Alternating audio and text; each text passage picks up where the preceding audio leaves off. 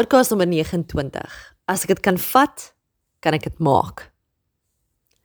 Ek moes hierdie week weer 'n lysie maak met my korttermyn en my langtermyn doelwitte vir die jaar. Net om myself my kop so op trek te hou, want jy sien, ek dink 'n mens is geneig om so gefokus en weggevoer te raak met een ding wat al jou aandag verg, dat mens amper tred verloor met wat ook nog belangrik is.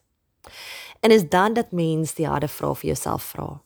En ek my lewe weer voor God neersit met die gebed, Here, U sien die volle prentjie. Asseblief lei my om die regte keuses te maak.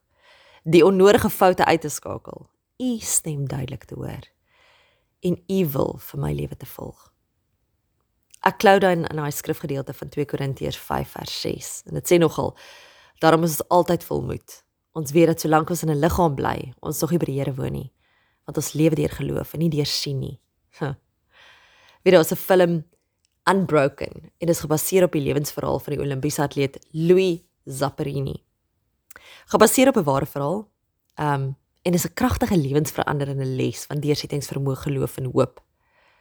En as as die hele storie gaan oor die lewe van Louis en as 'n seun was Louis Zapparini altyd in die moeilikheid.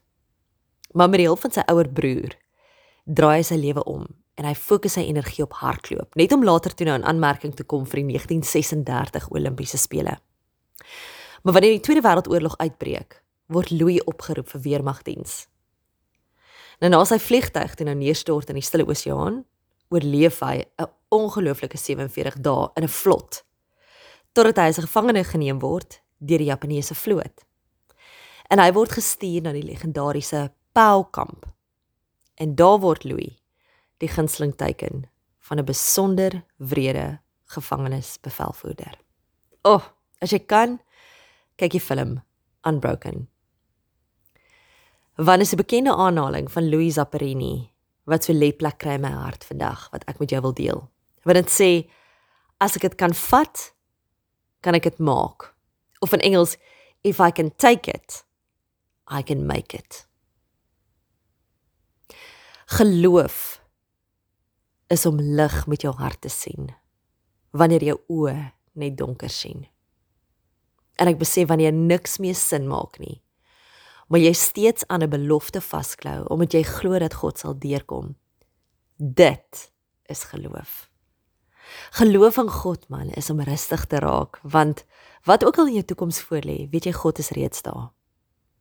Vir my is geloof in in hom beteken dit ook geloof in sy tyd.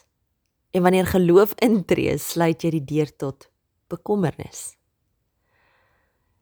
Ek wil vandag vir jou sê, weet dat jy vandag op die woorde van 2 Korintiërs 5:6 mag staan. Daarom is ons altyd volmoed. Ons weet dat solank ons in hierdie liggaam bly, ons nog by die Here woon nie, want ons lewe deur geloof en nie deur sien nie.